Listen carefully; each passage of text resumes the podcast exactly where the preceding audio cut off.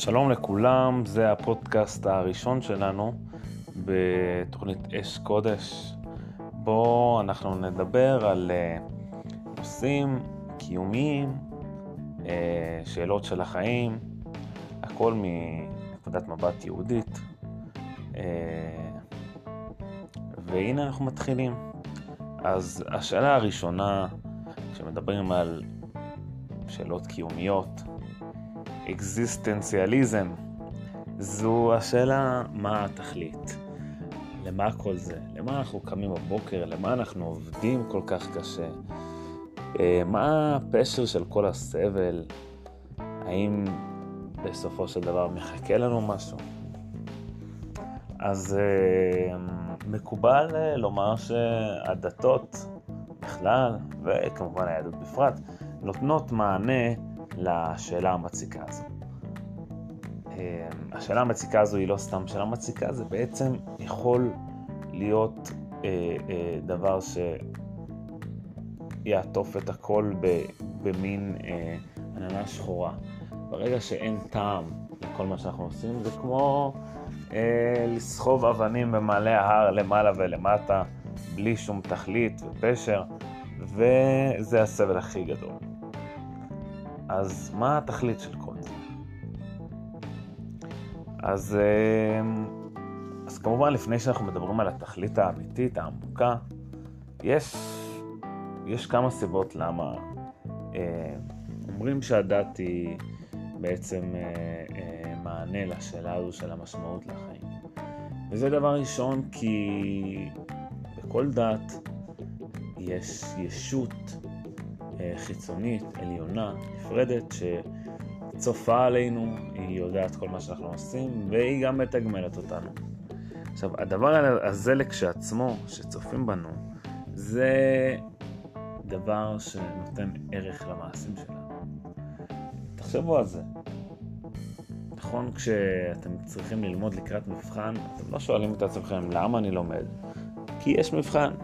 ואז מה שיש מבחן, מה זה המבחן הזה בסוף? לפעמים, אם זה מדובר בתואר, אז אולי אתה לא תתקבל, אה, אה, לא תקבל את התואר בסוף, אבל הרבה פעמים יש לנו מבחנים סתם בבית ספר ובעוד מקומות שאנחנו רואים משמעות בלקבל ציון טוב. עצם זה שמישהו, המורה, המרצה, רואה שיש לנו אה, הבנה בדברים, ידיעה בדברים, זה דבר כשעצמו נותן לנו תכלית בלימוד החומר. אז גם ככה, אדם שרואה את החיים שלו אה, ממבט שיש אה, ישות שמשגיחה עליו, אז זה כבר אה, תכלית מסוימת ומשמעות מסוימת. אבל אה, יותר מזה גם, בכל הדתות יש גמול. הגמול זה בעצם המשמעות הכי, הכי נפוצה בחיים. אנשים עובדים שנים, שעות על גבי שעות בשביל לקבל משכורת. גמול זה משמעות. אבל uh, מי שבאמת מעמיק בזה, כל זה לא, לא יספיק לו. הוא צריך משמעות עמוקה, אמיתית. לא משמעות שהוא יוכל... הוא צריך משהו שבאמת יסביר לו למה הוא עושה את כל זה? וביותר מזה, לנו, יהודים, שיש לנו כל כך הרבה מצוות, יש לנו חיים שלמים שסובבים את, ה, את, ה, את הדת. אז מה המשמעות הדתית של כל ה... של כל, ה... של כל מה שאנחנו עושים? האם יש איזו סיבה, או שאנחנו רק עושים את זה בשביל לקבל שכר, או לא להיענש? מה, מהי המשמעות של כל זה? זו שאלה כל כך קשה שאנשים אה, נוטים להדחיק אותה. אה, כי, כי בעצם היא שאלה שהיא השורש של הכל. אה, ואנשים מפחדים שאין תשובה, כי באמת על פניו אין תשובה. לשאול מה התכלית של החיים זה בעצם לשאול את ה... הסוד, הגרעין של החיים, מה, מה אנחנו עושים פה.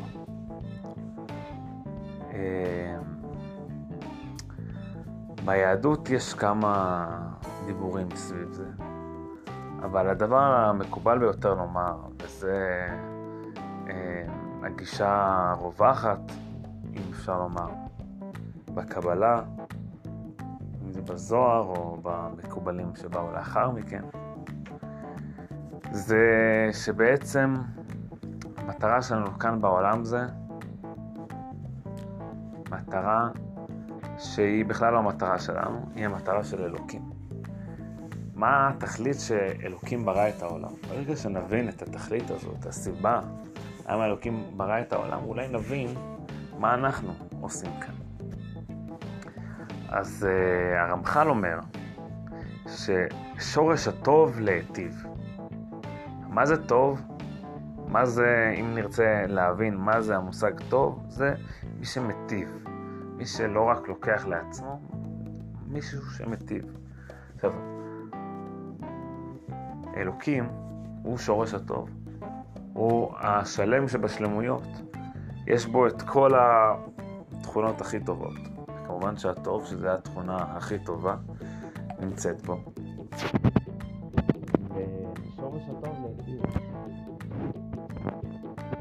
האל לא יכל להשאיר לעצמו כל הטוב שיש לו, הוא חייב להפיץ אותה החוצה. וכאן אנחנו נכנסים לתמונה בתור ברואים. לכן הקדוש ברוך הוא, אלוקים ברא את העולם בשביל שהוא יוכל להיטיב לנו. זוהי במילה אחת התכלית של העולם. שיהיה לנו טוב. למה? כי אלוקים הוא טוב, אז הוא מטיב. כמובן שזה, אנחנו לא... הוא לא היה צריך אותנו. זה דבר שנוצר מעצמו, זה, זה דבר שנהיה ממילא. בגלל שאלוקים הוא טוב, אז הוא מטיב, אז הוא ברא אותנו בשביל להיטיב. כאן נשאל השואל אם הוא ברא אותנו להיטיב לנו, אז איפה הטוב הזה? אז uh, התשובה, שבעצם הטוב הזה הוא עדיין לא נמצא במלואו. כשמדברים על הטוב האלוקי, זה לא טוב אה, חומרי, גשמי, בשרני, זה טוב רוחני. זה טוב בדרגה האלוקית. האלוקות היא כולה רוח. לא חומר. חומר זה ההתבטאות השפלה, הנמוכה ביותר של הבריאה. יש את המלכות, רוחנית מזוקקת. בשביל שאנחנו נהנה מהטוב האמיתי, זה רק טוב רוחני. מהו הטוב הרוחני הזה? אנחנו לא מבינים עד הסוף, אבל אפשר לומר שזה ליהנות מזיו שכינתו. מה זה ליהנות מזיו שכינתו? אם הקדוש ברוך הוא הוא כולו שלמות בלי חיסרון, אז תחשבו לרגע אם אנחנו נדבקים בטוב הזה, אם אנחנו נדבקים ב- ב- בכוח האלוקי הזה. אנחנו עוד לא יודעים מה זה נדבקים, אבל תחשבו שאדם מקבל קצת מהטוב של uh, להיות עשיר. הוא מקבל uh, שבוע, עשיר מופלג מביא אותו לה, לאחוזה שלו, ביחד הם מטיילים, נהנים, נוסעים במטוסים, עסוקים, בחופים, באיים הפרטיים של העשיר הזה. זה נקרא קצת להידבק. אבל כשמדברים על הטוב האלוקי, הרוחני, שם ההידבקות היא לא, לא דבר חיצוני, דבר בעצם. אנחנו עוד לא מבינים את זה עד הסוף, אנחנו יכולים רק אולי לנסות לסבר את האוזן. כשאנחנו עושים מעשה טוב, או מעשה רוחני, עושים מצוות. רובנו נרגיש במידה מסוימת, אם לא כל הזמן אז לפעמים, איזושהי הרגשה נעלה כזו. ההרגשה הזו היא מעט מן הים, מן, ה, מן הטוב האלוקי. תיקחו את כל הטוב שיש בעולם, את כל העושר, שמחה, עונג, כל זה, זה אפילו לא טעימה מהטוב האמיתי, כי תחשבו על הטוב שהוא בעצם כל זה ביחד עם עוד הרבה טוב שאנחנו לא מכירים. לדבר על זה זה קצת כמו להסביר לעיוור צבעים, אבל אנחנו יודעים שזה קיים. אנחנו יודעים שזה קיים, שיש מושג כזה של טוב, ויש מושגים של טוב שאנחנו לא מכירים. כן, כל אדם יכול uh, לנסות לדמיין לעצמו רגעים של, של טוב מזוקק, אם זה ב... ברגעי השיא של ההתאהבות שלו, או ברגעי השיא של השמחה שלו מהסיפוק, מה שזה לא יהיה. לקחת את הרגע המזוקק הזה, להרחיב אותו על פני שעה, יום, שבוע, ו... ושזה רק טעימה מה... מהטוב המושלם. מהטוב המושלם. אנחנו לא יודעים מה זה, אבל עצם זה שאלוקות זה דבר מושלם, אז כל הדברים המושלמים והטובים נמצאים שם בזיקוק מושלם. זה הטוב האמיתי. כשאנחנו מדברים על הטוב האמיתי, אנחנו מדברים על זה. אנחנו מדברים על להידבק באלוקות. אנחנו לא מבינים את זה, אבל אנחנו יודעים שהדבר הזה קיים. כי אלוקים זה שלמות, ושלמות, חלק מהשלמות יש גם את הטוב. אז אה, אם אנחנו נחזור למה שהתחלנו, שאלוקים ברא את העולם בשביל להיטיב לנו, הטובה הזו זה בעצם שהוא יצר אותנו ברואים שפלים, שאנחנו נוכל להידבק בשלמות האלוקית. זה בעצם דומה לאדם שזכה בפיס במיליארדים, והוא מזמין את כל החברים שלו. בואו תהיו איתי איזה חודש, נהנה, כמו שצריך, כל מה שאנחנו רוצים, הכל יש לנו, בואו נהנה. זה טוב. אדם שזכה בפיס ואמר, טוב, רק אני נהנה מזה, ההורים שלו המשיכו לגור באותו שיכון עלוב, האחים שלו עדיין ישלמו שכירויות מטורפות, אבל לא יגור לעצמו. זה כולנו רואים כמעשה לא טוב, מעשה אנוכי. הטוב זה להפיץ את הטוב שיש לך. אז כשמדובר בטוב המוחלט, האלוקי, שמה הצורך של להיטיב הוא הרבה יותר גדול. וזה הסיבה שאלוקים ברא את העולם. וזו הסיבה. להפיץ את הטוב. עכשיו ישאל השואל, מה?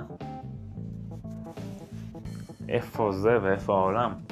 אנחנו רואים את העולם שאלוקים ברא. האפשרות להגיע לטוב האלוקי פה היא מאוד מוגבלת.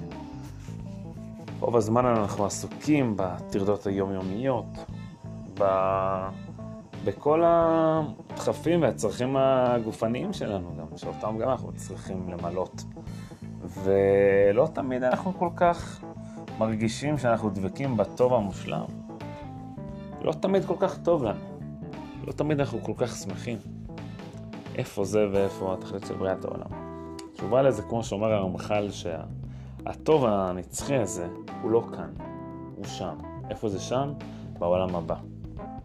מה זה העולם הבא אנחנו עדיין לא יודעים כל כך. אפילו בחז"ל זה לא מפורש, אבל אנחנו יודעים שזה לא כאן. אנחנו יודעים, כמו שחז"ל אומרים לנו, שהעולם הזה דומה לפרוזדור בפני העולם הבא. העולם הזה הוא רק הכנה לעולם הבא. יכול להיות שהעולם הבא זה לאחר המיטה שלנו, יכול להיות שזה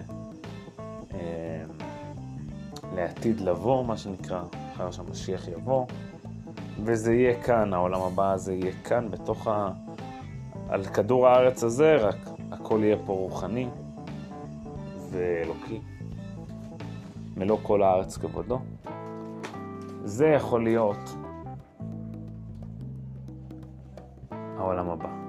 אבל אנחנו עוד לא יודעים את זה, אבל אנחנו צריכים להתעסק לא בעולם הבא, אנחנו צריכים להתעסק בעולם הזה, בתפקיד שלנו כאן. חז"ל הגדירו כפרוזדור. מה זה הפרוזדור הזה? מה התפקיד של הפרוזדור הזה? למה צריך פרוזדור? למה אלוקים לא יוכל להנחית אותנו ישר אל תוך הטוב האלוקי? אפשר ליהנות מזיו שכינתו. התשובה לזה, כמו שאומר הרמח"ל, זה מה, ש... מה שכתוב בגמרא, שיש מושג של נעמה דקיסופה. נעמה דקיסופה זה לחם, נעמה זה לחם דקיסופה של ביישנות. יש את לחם הביישנות. אם אדם מקבל טובה ממישהו, ממש אדם שהיה נזקק ללחם והוא מקבל לחם, שיהיה לו מה לאכול מבן אדם אחר, יהיה לו ביישנות לקבל. הביישנות לקבל זה דבר שטבוע בנו, וזה לא, לא לחינם. כי הטוב האמיתי, אומר הרמח"ל, זה טוב שנקנה על ידינו, שנוצר מעצמנו, על ידי העבודה שלנו. דבר שניתן לנו במתנה, אנחנו לא נעריך את זה. אנחנו לא נרגיש שייכות וקשר אליו. למה? כי כשמדברים על המושג טוב, אז זה משהו שנהיה מעצמנו. משהו שאנחנו יצרנו, זה טוב. כל הדברים האלה זה דברים שאנחנו לא חייבים להבין אותם. למה זה ככה? אנחנו לא חייבים למה, אנחנו לא חייבים להבין למה הטוב צריך להפיץ את הטוב. אנחנו לא חייבים להבין למה הטוב צריך לבוא מעצמנו. כי הדברים האלה הם חוקים. הם חוקים בשלמות. החוקים האלה, אנחנו לא חייבים להבין אותם, כי יכול להיות שאנחנו לא יכולים להבין אותם. אבל מה שכן, אנחנו יכולים לראות את זה, לראות את זה בעולם פה. כל דבר, אלוקים ברא את העולם בצורה שאנחנו נבין את העולם הזה. שאנחנו נבין את החוקים שלו. לא תמיד אנחנו מבינים מה עומד מאחורי החוקים. למה החוקים ככה. אלוקים ברא את העולם בצורה שאנחנו נוכל לראות את חוקי הפיזיקה, ולא להבין אותם. כי ההבנה היא משהו שקודם לטבע. אנחנו מבינים את הטבע. בטבע אנחנו רואים שהטוב הוא דבר שבא מעצמך. דבר שמגיע מאחרים הוא לא יהיה כל כך טוב. אנשים כל כך אוהבים ליצור בעצמם. הם אוהבים אה, לבנות בעצמם. הם אוהבים שכל מה שיש להם זה מעצמם. אנשים מרגישים חיבור מיוחד למשהו שהם יצרו. כמו שכתוב uh, בגמרא, רוצה אדם בקו שלו, יותר מתשעה קווים של חברו. אדם שגדל לו בגינה קילו עגבניות, הוא ירצה את הקילו עגבניות הזה יותר מאשר הוא ירצה תשע קילו עגבניות מהחנות. כי מה ששלו, מה שהוא עבד עליו, זה חיבור אמיתי. אז נחזור אל הטוב. כשאנחנו מדברים על הטוב, שאלוקים רצה להפיץ לנו, מכוח הטוב להיטיב, הוא רצה שזה יהיה טוב מושלם. טוב מושלם זה טוב שאנחנו השגנו אותו בכוחות עצמנו. כמובן שהם לא ממש השגנו אותו לבד, כי אי אפשר להשיג את הטוב האלוקי לבד, אבל לפחות אנחנו יכולים לומר שאנחנו עבדנו עליו. כמו שאדם הרגיש קשר לעגבניות שהוא נטע, אה, לא נטע, הוא זרע את הזרעים וקצת אה, עזר לצמח לגדול. הוא הרגיש אליו שייכות וחיבור למרות שהוא לא עשה פה כלום. הזרע, לא הוא המציא את הזרע. הוא לא גרם לזרע לנבוט ולצמוח, זה הכל חוקים. אבל יש לו איזושהי הרגשת שייכות. אז בשביל שיהיה לנו טוב ומושלם, אלוקים לא יכל פשוט לברוא אותנו ישר אל תוך הטוב הזה. אנחנו צריכים לעבוד בשבילו. אנחנו צריכים שזה יהיה דבר שבא מעצמנו. ולכן אנחנו נמצאים כאן בעולם הזה. בשביל ליצור את ההכנה הזו לעולם הבא. בשביל ליצור את ההכנה הזו לעולם הבא. זוהי העבודה שלנו בעולם הזה. מה הקשר בין העולם הזה לבין ההכנה? אז הרמח"ל אומר שכל המצוות שניתנו בתורה, אם זה התרי"ג מצוות שניתנו ליהודים, או השש מצוות שניתנו לכל העולם, שש מצוות בני נוח, כל המצוות האלה הם בעצם מזקקים את הנשמה שלנו. מה הכוונה מזקקים את הנשמה שלנו? אז התבנית היא, היא כזו, אלוקים לקח נשמה עליונה, שזה בעצם האנחנו האמיתי שלנו, האני האמיתי שלי, זה הנשמה שלי. היא בסופה של דבר, של דבר הולכת ליהנות מזיו השכינה. היא בסופה של דבר הולכת להידבק בטוב האלוקי. אבל בשביל שהיא תהיה ראויה לזה מעצמה, אז אלוקים הוריד אותה פה אל תוך העולם הזה, בתוך גוף גשמי. שהגשמיות, החומריות, היא הפך הרוחניות. היא הפך האלוקות. היא הסילוק הכי גדול של האלוקות בתוך העולם מביא לחומריות. מה זה חומריות? חומריות זה חוקי טבע יבשים, בלי שום מהות רוחנית. וככל שהדבר הוא יותר חומרי, למשל אכילה, אכילה יש בה צורך מאוד uh, טבעי, אז אפשר להסתכל עליה בתור דבר גשמי. מצד שני יש בה גם מהות שהיא מקיימת אותנו כיצורים חיים. ולכן האכילה היא גשמית מאוד, היא חומרית, אבל עדיין יש לה איזה מהות רוחנית. אבל כשמדובר על האכילה לשם אכילה, אדם שהוא כבר שבע, והוא אוכל... אה, אוכל, הוא ממשיך לאכול. זהו דבר חומרי. אם זה דבר שעוזר לנו להרגיש טוב, למשל קינוח בסוף הסעודה, זה לא דבר כל כך חומרי. זה אומנם יותר חומרי מה... מהאוכל בעצמו, אבל הוא עדיין לא כל כך חומרי, כי הוא עוזר לנו לאכול. זה נותן לנו את התיאבון בסוף הארוחה, לא לסיים עם, ה... עם הבשר, אלא במשהו יותר מתוק וקל. אבל כשמדובר באדם שהוא לא רעב, אבל הוא אוכל על נפשו כמויות של בשר, זהו דבר חומרי, זה כל, כל בן אדם ירגיש שיש בזה מן החומריות, מן הגסות. למה? למה זה? מה ההבדל בין, ה, בין החצי קילו הראשון של הבשר לקילואים שבאים אחר כך? זה חומרי. זה נועד נטו בשביל החומריות. אז בעצם אלוקים שם את הנשמה בתוך הגוף הגשמי הזה. אף אחד לא מבין בדיוק את הקשר בין הגוף לנשמה, איך הם הולכים ביחד, איך הם קשורים זה לזה, את יחסי הגומלין ביניהם, אבל אנחנו יודעים שזה קיים. אנחנו יודעים שיש בנו נשמה. אנחנו יודעים שיש לנו תודעה שהיא מעבר ל... ל... ל... לפיזיות שנמצאת בנו.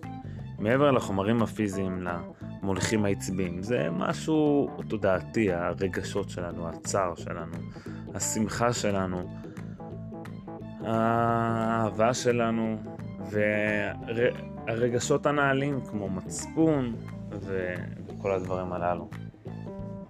כל הדברים האלו הם בעצם הממד הרוחני שבנו. וזה לא הכל, יש עוד ממדים רוחניים שאנחנו אפילו לא מודעים אליהם. אה, יש ממדים רוחניים שאנחנו כן מודעים אליהם, אבל הם יותר נעלים, למשל הרגש הדתי של האמונה, שאנחנו מרגישים שיש משהו מעלינו, שאנחנו מרגישים חובה אה, אה, להשתעבד. הרגש הדתי הזה, זה רגש רוחני נעלה. אבל הרוח שלנו, הנשמה שלנו היא הרבה יותר ממה שאנחנו יכולים להרגיש פה בתוך העולם הזה. העבודה שלנו פה בעולם זה לקחת את הנשמה הזו, שאיכשהו נבללה בתוך החומריות, בתוך הגשמיות של העולם, לא רק בגוף, גם בתוך כל העולם הזה שאנחנו נמצאים בו. כף חומר, לקחת את הנשמה הזו ולזקק אותה. להפוך אותה ליותר מזוקקת. כשהיא יותר מזוקקת, היא יותר רוחנית. יותר נעלה. איך אנחנו עושים את זה? על ידי המצוות. ברגע שאנחנו מקיימים את רצון הקהל, את רצון האלוקים, עצם זה זה דבר שמקרב אותנו לידי אלוקות. זה דבר שגורם לזיכוך הנשמה שלנו. אבל יתרה מזו, כל המצוות הן בעצם, יש להן אה, מתכון, הם מתכון סודי שאנחנו לא תמיד מבינים למה, אבל זה המתכון שמביא לזיכוך הנשמה שלנו.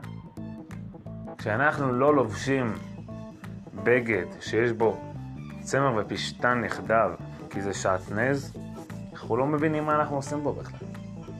אבל הדבר הזה מעלה לנו את הנשמה. זה משלים לנו את הנשמה. כי ברוחניות אנחנו לא מבינים, ואנחנו פשוט עושים את רצון השם כפי שהתבטא בהר סיני, ובהמשך בתורה שהוא נתן לנו, ובתורה שבעל פה, שעברה לנו מפה לפה, פי חכמי הדור. כל זה, זה העבודה שלנו פה בעולם הזה.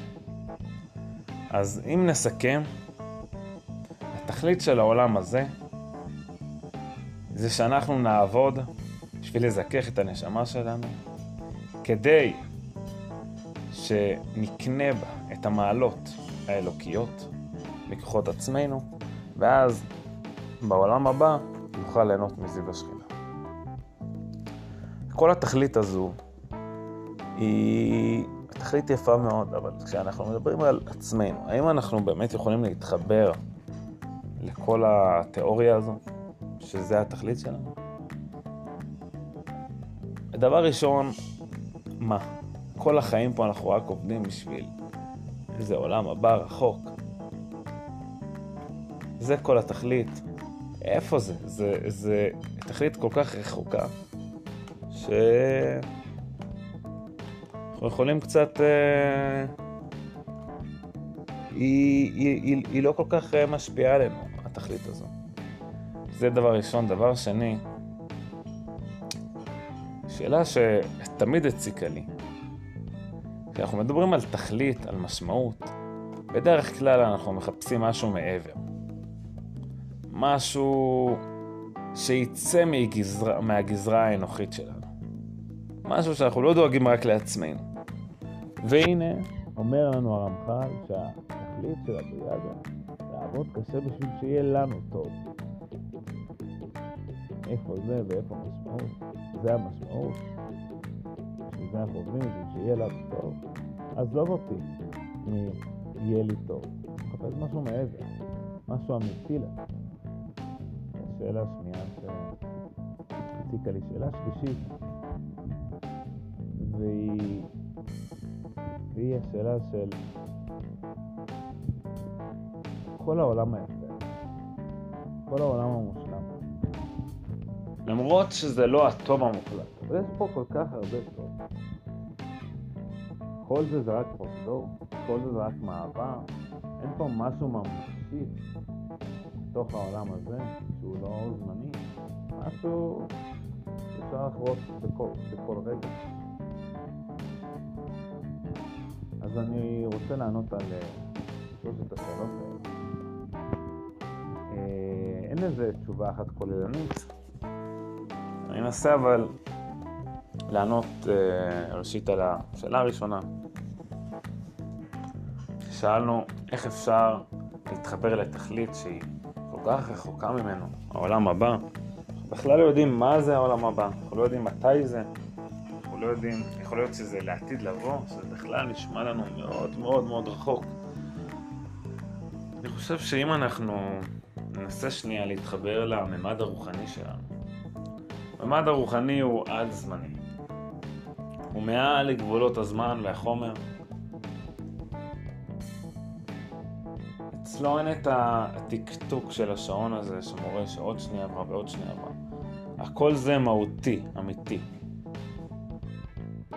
ביחס האמיתי, העולם הזה הוא כצל חולף. למרות שנראה לנו ש... שכל שנה זה הרבה זמן, וכל החיים שלנו זה כל החיים, ומאה שנה זה באמת, כשהדבר כשלעצמו זה זמן מאוד מועט, הוא, הוא כמו גרגיר חול בתוך, ה, בתוך הים האינסופי של, ה, של הרוחניות. זה כמו שנסתכל על מדינת ישראל בתור מקום ענק, אבל אז כשנסתכל במבט גלובלי, או במבט קוסמי, נראה שהעולם שלנו הוא גרגיר קטן ביחס לשמש, והשמש היא בכלל גרגיר קטן. וכשנצא מהמצב האגוצנטרי הזה ונראה את הדברים, ננסה לראות את הדברים איך שהם, במבט יותר אה, כוללני, נראה שהזמן הזה שאנחנו מדברים עליו, ה-80 שנה האלו הם, הם, הם, הם, הם כלום, הם כצל עובר. ולכן אנחנו, אם נסתכל על החיים במבט אמיתי, אנחנו נראה שהחיים פה הם כצל עובר. לא נייחס בכלל משמעות לדברים בקטנים של החיים, כי הכל זה במבט של אלוקי. במבט אלוקי הכל פה כל כך קצר. אנחנו כן יכולים להתחבר לתחושה הזו שהכל פה זה כל כך קטן וזמני, וזה רק נראה לנו, בעיניים שלנו כזמן ארוך, אבל באמת זה פרוזדור אחד קצר. השאלה השנייה שאני שאלתי, אמ, איך הדבר הזה, איך ההרגשה הזו, הלכאורה אגואיסטית, אמורה להוביל אותנו לידי משמעות. אז אני חושב שדבר ראשון, אנחנו לא צריכים ככה לתפוס את העניין. הסיבה למה אלוקים ברא את העולם זה בשביל להיטיב לנו. אבל בסופו של דבר, אנחנו רוצים לזכך את הנשמה שלנו. זיכוך הנשמה שלנו זה לא דבר אגואיסטי. זה, זה, זה ה, ה, ה, התגובה שלנו. למה שאלוקים רוצה להיטיב לנו, אנחנו רוצים להידבק אליו. אנחנו רוצים להיות חלק ממנו. לא בשביל להשיג את ה... את ה... את המתנות שנקבל ממנו. לא מדובר פה בחבר שהתעשר שכולם פתאום רוצים להיות חברים שלו. מדובר פה במשהו הרבה יותר עמוק. אנחנו רוצים שהנשמה שלנו תהיה אלוקית, שהיא תהיה דבוקה באלוקות. אנחנו מכירים ב... באלוקות. מה שאמור לכוון אותנו זה לא השכר, אלא זה ההידבקות באלוקות. זה השאיפה אל עבר הטוב האמיתי. זה, זה, זה מה שאמור להוביל אותנו.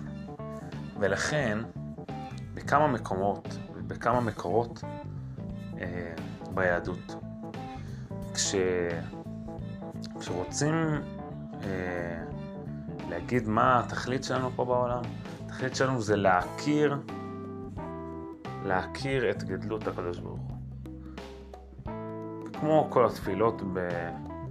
שמתפללים בראש, בראש השנה, ויכירו כולם את עול מערכותיך, ושאנחנו ממליכים את הקדוש ברוך הוא. זה התכלית של הבריאה מהכיוון שלנו. התכלית של הבריאה שהקדוש ברוך הוא ברא את העולם, התכלית שלו הייתה להיטיב, אבל מהכיוון שלנו זה כיוון של מלכות. זה כיוון של אנחנו מכירים בזה שאתה הטוב האמיתי. זה אמור להיות התכלית שלנו. אלוקים לא צריך את זה, לא צריך שיכירו בו, אבל הדרך שלנו כדי להתחבר אל הטוב האמיתי זה להכיר בזה. הכרה זה הצד הראשון שאנחנו יכולים להשתנות ולהתחיל לצעוד אל עבר המטרה. דבר ראשון, המודעות, ההכרה. לכן בראש השנה, כשאנחנו ממליכים את הקדוש ברוך הוא, אנחנו בעצם, זה הזיכוך של הנשמה הראשון שלנו. הרי שהתכלית של הבריאה זה להיטיב לבני אדם. אבל להיטיב לבני האדם הזה, זה בעצם במילים אחרות החיבור וההרחבה של האלוקות אלינו, אל הנשמות, אל בני אדם השפלים. זה אם כן המהות של כל הבריאה הזו. וכשאנחנו מסתכלים על זה במבט הזה, אין פה שום דבר אגואיסטי מצידנו. הפוך. יש לנו פה תפקיד מאוד uh, גדול, שאנחנו מתחברים, מתאחדים עם ה... עם ה... עם, ה... עם, ה... עם הטוב האמיתי הזה. בשביל זה, בשביל להבין את המשמעות הזו, אנחנו דבר ראשון צריכים להכיר בגדלותו יתברך. אי אפשר להבין את המשמעות הזו בלי להכיר בגדלות שלו. כי כשאתה מכיר בגדלות שלו, אתה מבין גם את האפסיות שלך. אתה מבין גם שכל השאיפה שלנו למשמעות ולתכלית היא בכלל לא נכונה. כי כשאדם תופס את עצמו כמר עולם, אז הוא מחפש לעצמו איזו משמעות באמת גדולה, שתסביר לו את כל, ה... את כל הסיפור. אבל כשהוא מבין שהוא אפילו לא בורג קטן, שהוא כל כך שפל פה בתוך העולם הזה, הוא לא שפל בגלל שהוא שפל, הוא שפל בגלל שביחס לאלוקות העצומה הוא כלום, הוא, הוא גרגיר חול. כשהוא מבין את זה, המשמעות שלו עוברת ישר ממשמעות אגואיסטית למשמעות כללית, למשמעות שמנסה להידבק בטוב הנצחי, האלוקי.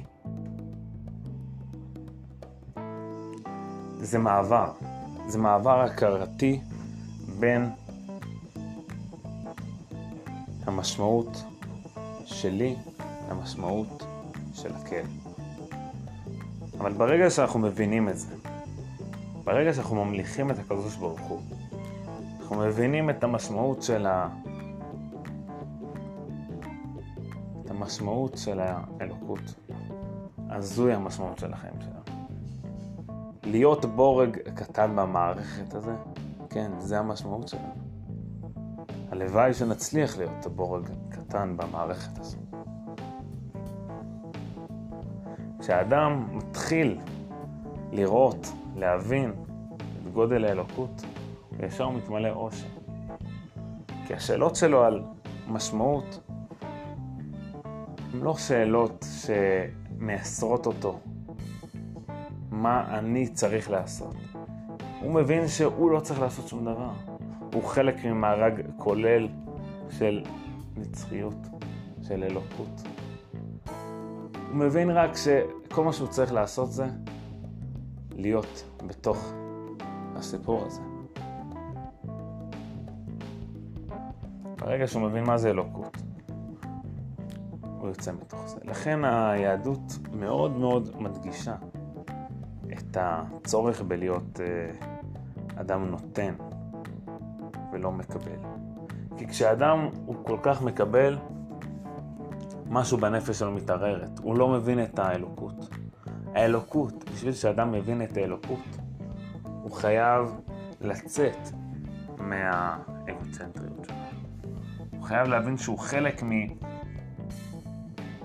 ממשהו גדול, משהו עצום, שאין לו קיום בכלל למול הדבר העצום הזה. רק כשאדם מבין את העוצמה של האלוקות, הוא יוכל להבין את המשמעות לחייו, ואיך כל המצוות מובילות אותו לשם. ולכן העבודה שלנו פה בעולם זה לגלות את האלוקות, לבטל את האנוכיות שלנו, לבטל את האני הענק הזה שאנחנו מצמיחים לעצמם, לבטל את זה. לא לבטל את זה ביחס לאנשים אחרים. אנשים אחרים הם גם אפסיים. כולנו פה אפסיים. לבטל את זה כלפי האלוקות שבעולם. זה העבודה שלנו. לכן אנחנו כל כך מקפידים על קוצו של יוד בהלכה. הדברים האלה יכולים לראות לנו לפעמים חסרי משמעות. אבל כשאנחנו מבינים שאנחנו לא עושים את זה בשבילנו, אנחנו עושים את זה בשביל להכפיף את הרצון שלנו לרצון האל. ברגע שאנחנו מבינים שכשאנחנו נותנים לאחר, אנחנו בעצם גורמים לנשמה שלנו להרגיש שהיא לא פה בשביל עצמה, חלק מאלוקות שלמה, אלו הדברים שיכולים לגרום לנו לידי מימוש עצמי ומשמעות עמוקה יותר. וכמובן, שהדבר הגדול מכולם זה ההתבוננות באלוקות. הרמב"ם, בספרו מורה נבוכים, אומר שכל המצוות כולם לא ניתנו אלא בשביל שנבין את גדולת הבורא. המטרה הסופית של הבן אדם זה להכיר את גדולת הבורא. הדבר הזה, ההכרה בגדולת הבורא, המלאכת הקדוש ברוך הוא, היא לא המשמעות הסופית. אולי המשמעות הסופית מבחינתנו. כשאנחנו מבינים את זה, אז אנחנו מבינים את המשמעות שלנו. אז הנשמה שלנו מזדככת, והופכת מאני אחד גדול לאלוקות שלמה שכוללת את הכל. אלו דברים עמוקים, שבלי מבט עמוק פנימה לא נוכל להגיע. זה הכל יהיה דיבורים בעלמא, אבל לשם אנחנו צריכים לכוון. להרגשה האלוקית השלמה ולזיכוך הנשמה שלנו. והלוואי שנזכה בראש השנה הזה להבין קצת מהמלאכה הזו ולנסות להיות חלק מזה. שנה טובה. thank you